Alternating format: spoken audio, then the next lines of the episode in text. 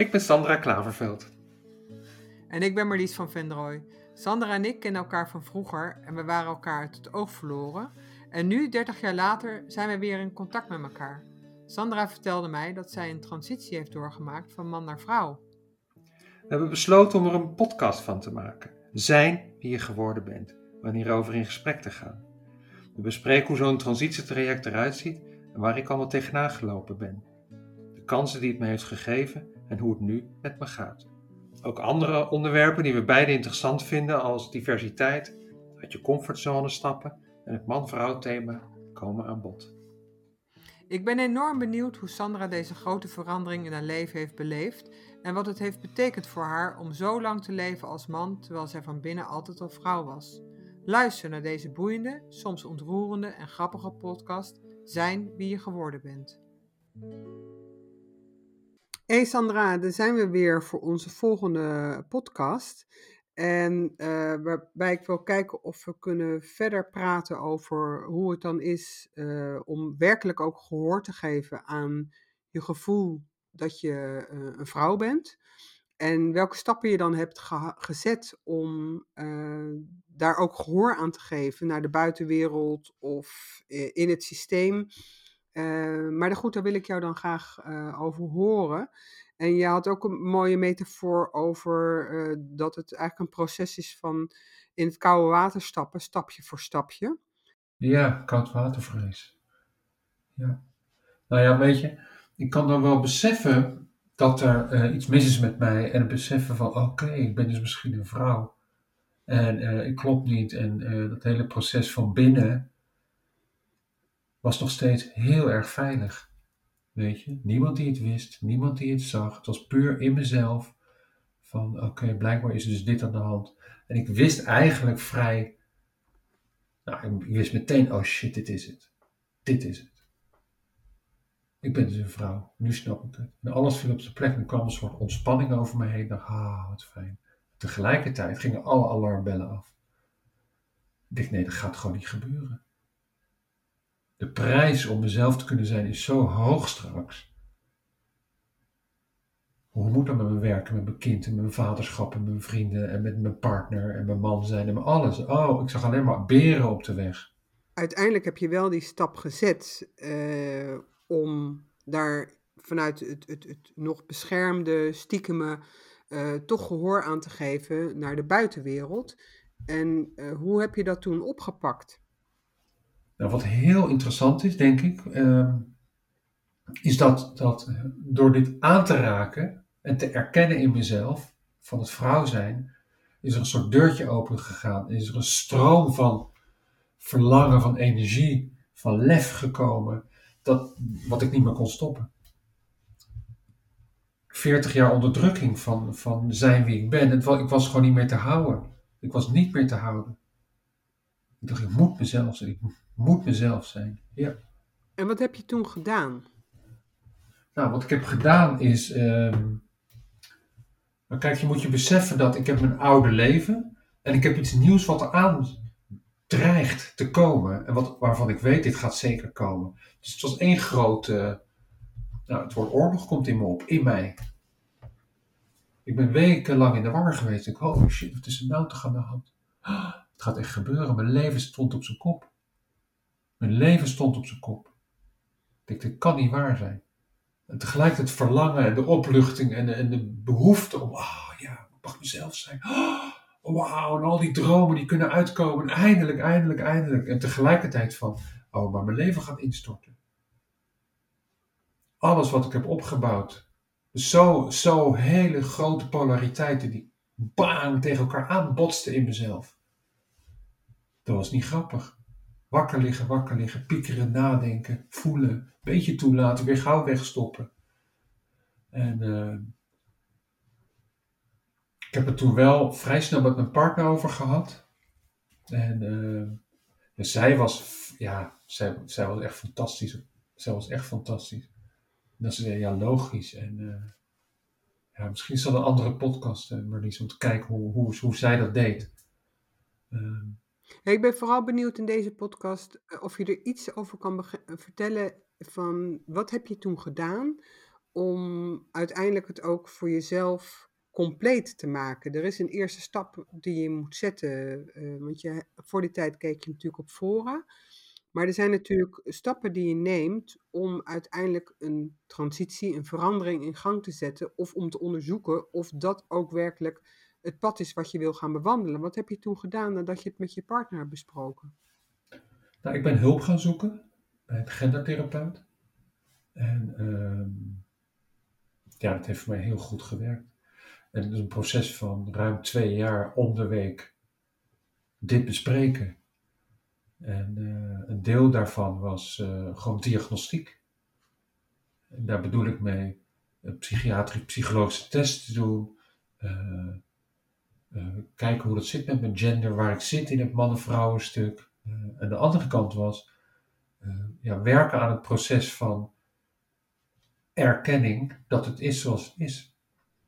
Het was te groot om in één keer uit te laten komen. En, en, en door in therapie te gaan of door te gaan praten over dit stuk, ben ik stap voor stap helder gaan krijgen wat er aan de hand was. Aan de ene kant dus de, de ja, gewoon uitzoeken hoe het zit bij mij. En tegelijkertijd, hoe ga ik stapje voor stapje erkennen dat ik dus blijkbaar, zo, zo voorzichtig dus, dat ik moet gaan erkennen dat ik blijkbaar als vrouw moest gaan leven om mijn leven weer de goede kant op te krijgen.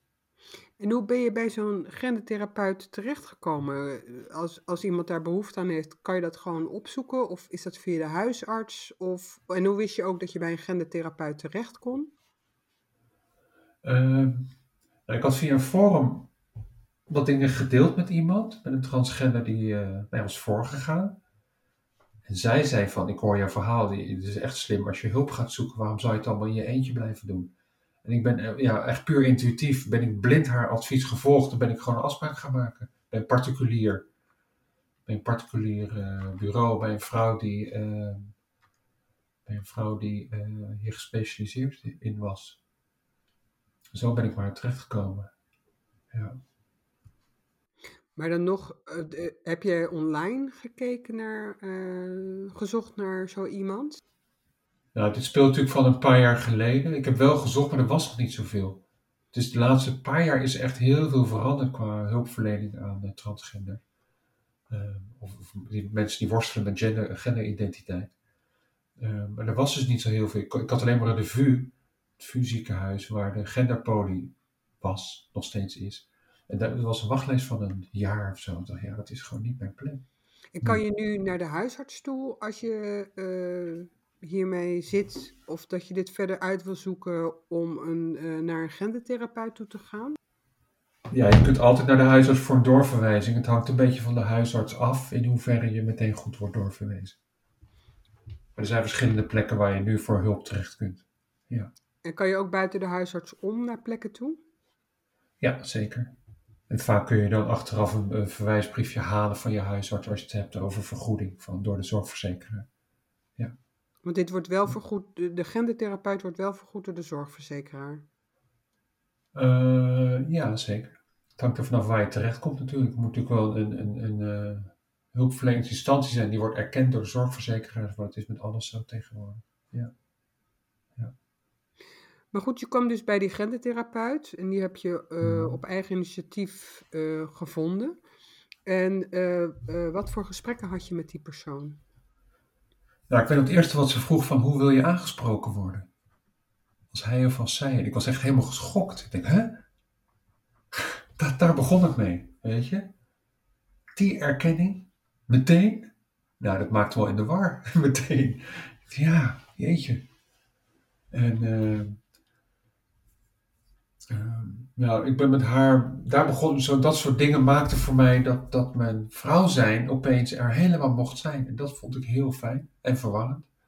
En we zijn stap voor stap gaan onderzoeken hoe het nou zit met mij. Dus zij heeft mij gevraagd om een levensverhaal te schrijven. Waarin ik uh, ook dingen moest vertellen over mijn, mijn, verlangen om vrouw te zijn, hoe ik daarmee om ben gegaan, maar ook mijn is, hoe ik het heb weggestopt. Uh, uh, ja, een belangrijke gebeurtenis in mijn leven, hoe ik met mijn ouders ben omgegaan, hoe ik ben opgegroeid. Dus alles, alles in het levensverhaal. En van daaruit zijn we ook gaan praten over wat is er toen gebeurd, hoe ging het allemaal met mij, maar ook om, om uit te sluiten dat het niet iets anders is. Ik hoopte echt hè, dat ik dacht, oh, misschien heb ik een vette moederprojectie eh, of een psychiatrische stoornis en komt het allemaal goed en hoef ik niet in transitie. Ach, dat me dat geleken. Ik heb er echt van gedroomd dat ik dat hoopte. Dat ik misschien een of andere stoornis had en dat ik er helemaal naast zat. Weet je? Dus al die stukken ben ik gaan uitzoeken. Ik, ik heb een wat problematische relatie gehad met mijn moeder. Dus ik dacht, oh, misschien is dat het wel. Dat ik iets geks heb bedacht om te overleven. Dat heb ik altijd gehoopt.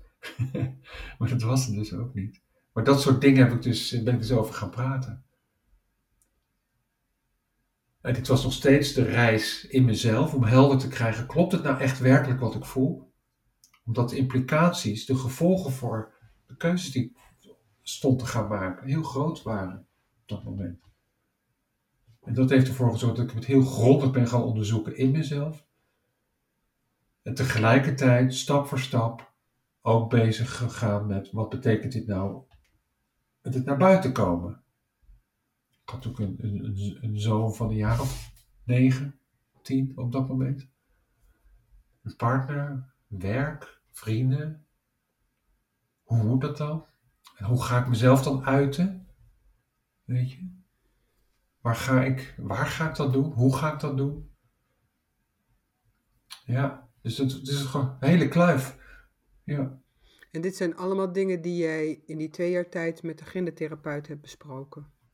Ja, ja, zeker. Dus ik ben heel dankbaar dat ik dat met haar heb kunnen doen. Weet je, dus ik heb ook het gevoel dat uiteindelijk de keuze om te gaan opereren en de keuze om als vrouw te gaan leven, zoals ik me van binnen voel, dat ik die echt heel gedegen heb gemaakt. En is het alleen maar dat je twee jaar lang uh, met een gendertherapeut hebt gesproken en dat toen uh, uh, een transitie was? Neem de luisteraars eens mee in hoe dat proces is gegaan, wat je nog meer hebt gedaan. Nou, kijk, op dat moment was ik een soort van vulkaan. van de ene kant ben ik dingen aan het loshalen, van hoe zit het nou? Het, ook het verlangen hebben om om, om het te uiten. Dit jaar, als ik dan vrouw ben, wil ik ook weten hoe het is om me op te maken, om me anders te kleden, om me als vrouw te gedragen. Hoe moet het dan met lopen? Weet je waar we het eerder over hebben gehad? Hoe zit dat dan? En tegelijkertijd was ik natuurlijk heel bang. En ik had een kind thuis, die jong was en op de basisschool zat.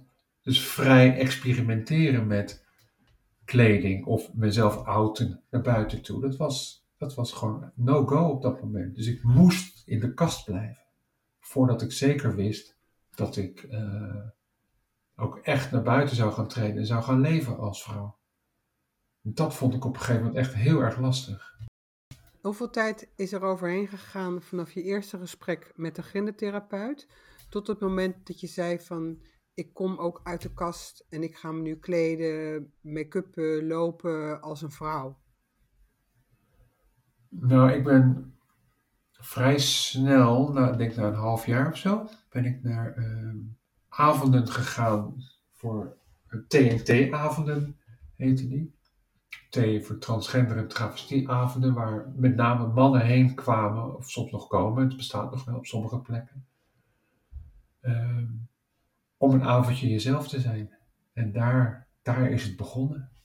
En ik had met mijn partner de afspraak gemaakt dat ons kind van niks zou weten, totdat voor mij helder zou zijn. Um, wat ik echt zou gaan doen.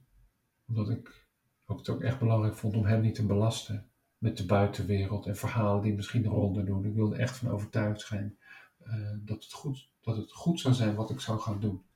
Dus, dus de, de zoektocht bij hem weghouden. En, en zeker niet van hem vragen dat hij het geheim zou houden voor mij. Dat kan gewoon niet met een kind. Dat kan sowieso niet, maar met een kind al helemaal niet. Mijn partner ging mee naar die avonden en uh, nou ja, dan kon, kon, ik dus een avond als vrouw zijn. Dus weet hoe het is om een jurk te dragen, of om me op te maken, of om hoe ik moest zitten. Uh, dat waren voor mij de allereerste stappen. En wat heeft dat je gebracht? Uh, nou. Uh,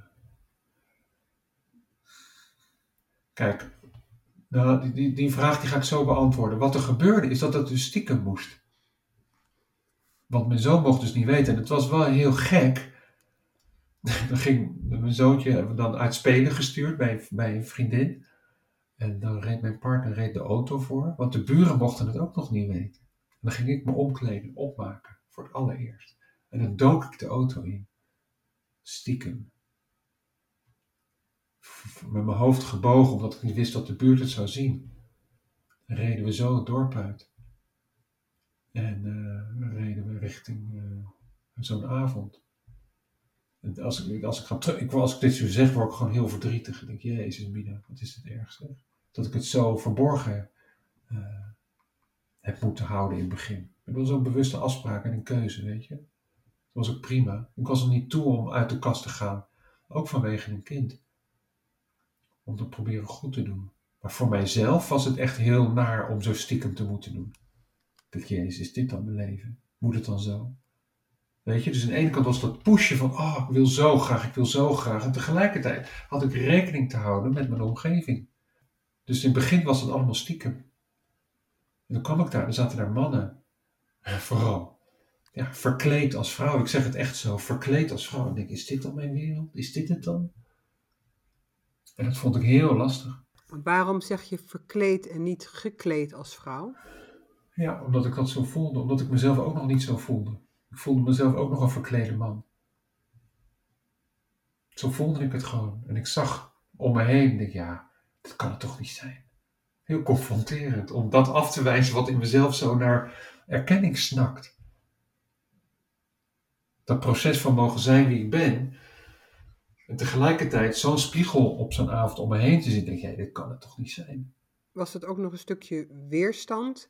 Uh, vanuit uh, je eigen gevoel dat je dat projecteerde ook op die mannen? En heeft de TNT-avond je later wel uh, iets moois opgeleverd? Ja, dat is hartstikke projectie. Ik had echt zoiets van, doe eens normaal joh. Dat zei ik ook tegen mezelf, doe eens normaal joh. zo.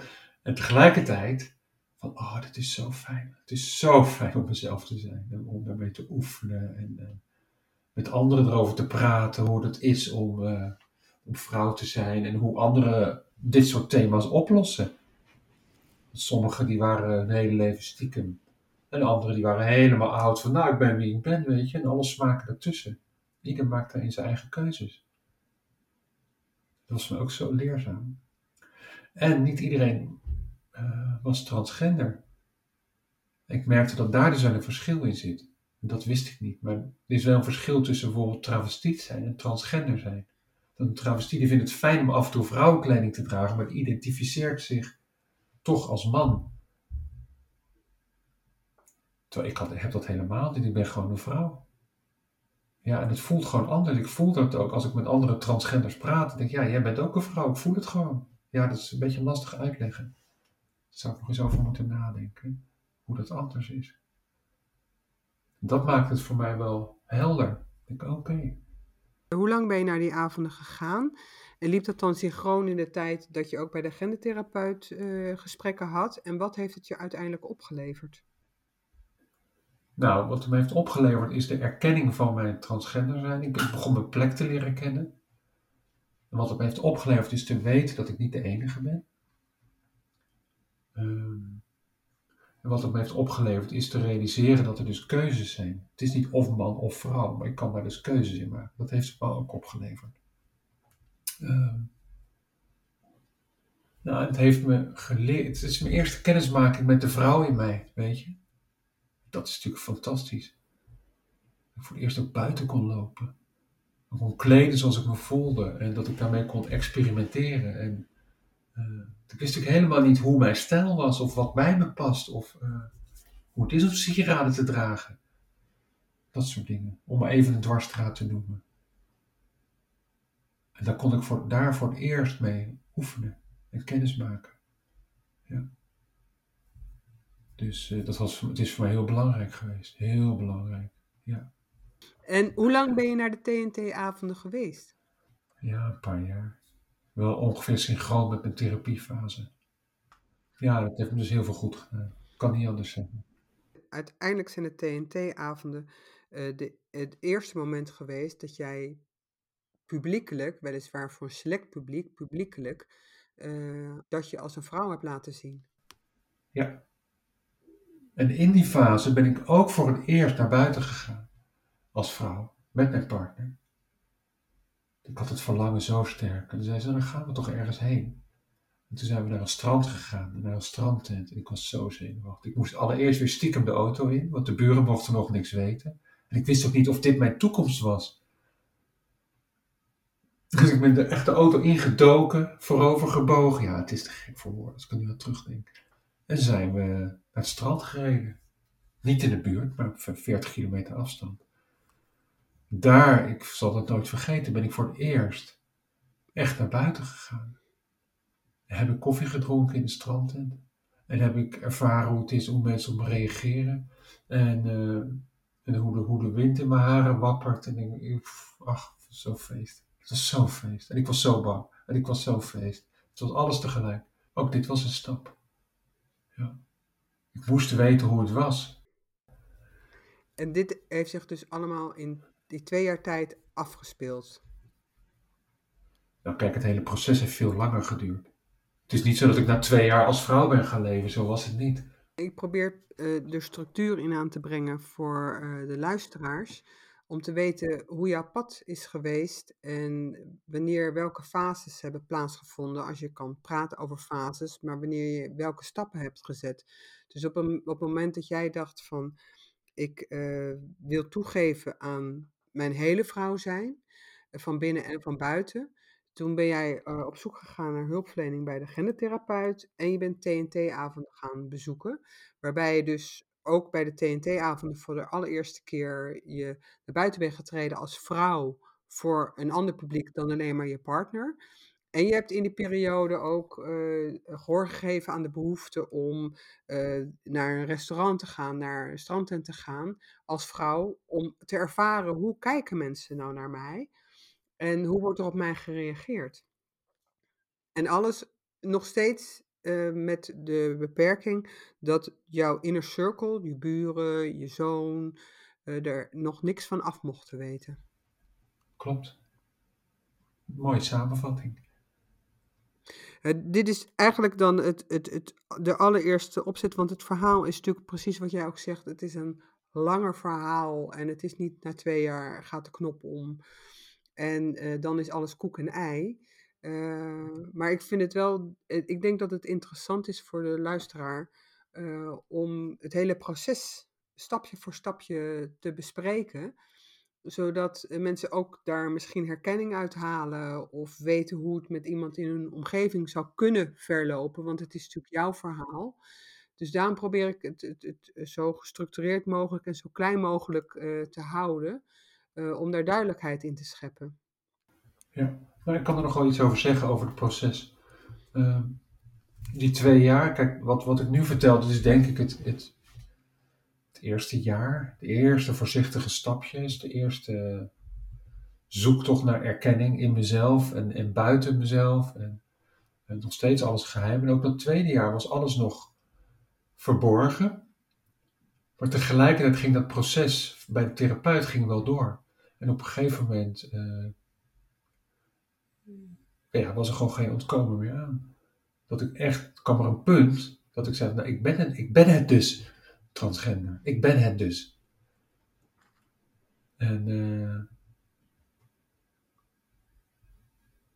en aan het einde van die twee jaar, wat nog een groot thema was, was de stap naar buiten gaan maken om dit te gaan erkennen. Was ik nog steeds man om dat te gaan erkennen en ook te gaan uitspreken en te gaan delen. En de, de, laatste dingen die ik met de therapeut heb gedaan, is bespreken van hoe kunnen we dat, we, met mijn partner erbij, doen met onze zoon en de basisschool. En als ik straks op het schoolplein sta, hoe moet dat dan? Dat zijn de laatste stappen die ik zo'n beetje met haar besproken heb. En uh, omdat op een gegeven moment ja, was het wel duidelijk wat er aan de hand was. En het fijne van een goede gendertherapeut is dan dat je met diegene kan onderzoeken, klopt het intern?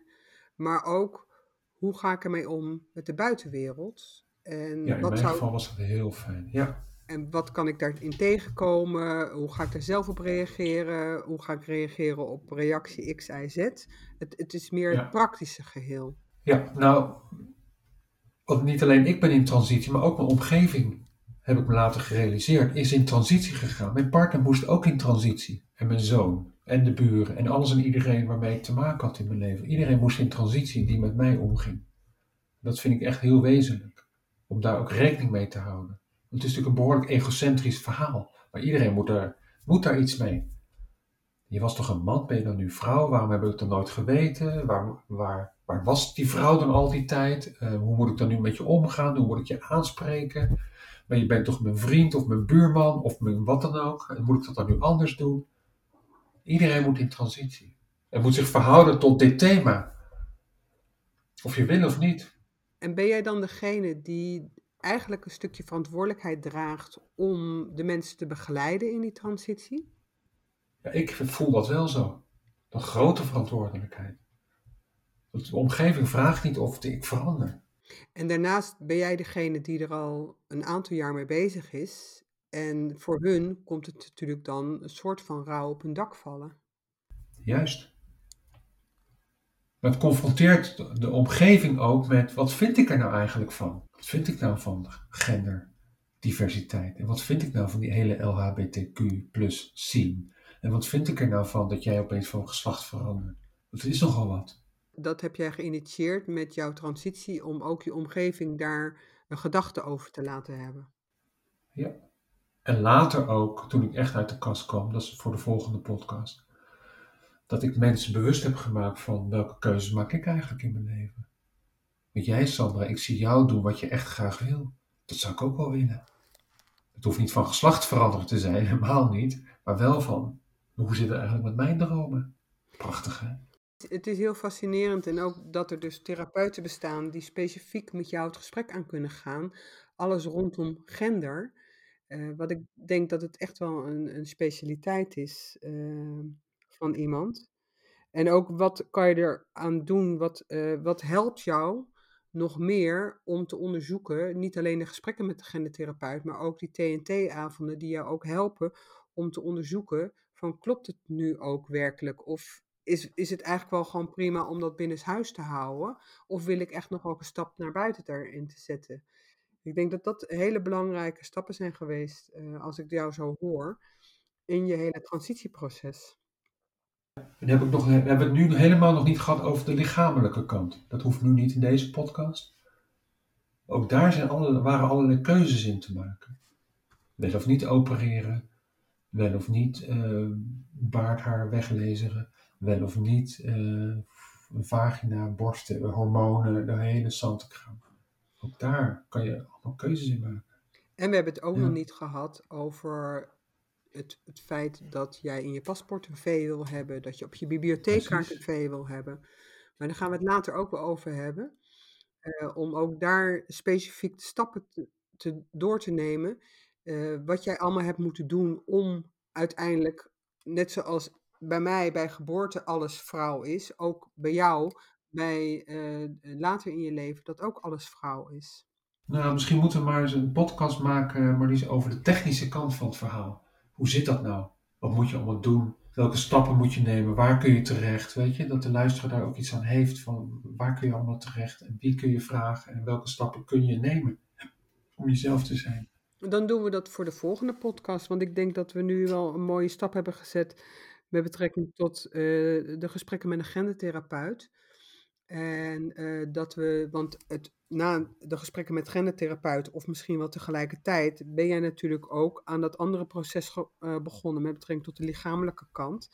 En daar zijn ja. in Nederland volgens mij ook uh, wel wat bepalingen voor. Dat je niet zomaar willekeurig bij een ziekenhuis kan aankloppen en dat je zegt: Hallo, dit wil ik. Dat er ook echt wel een proces aan vooraf gaat.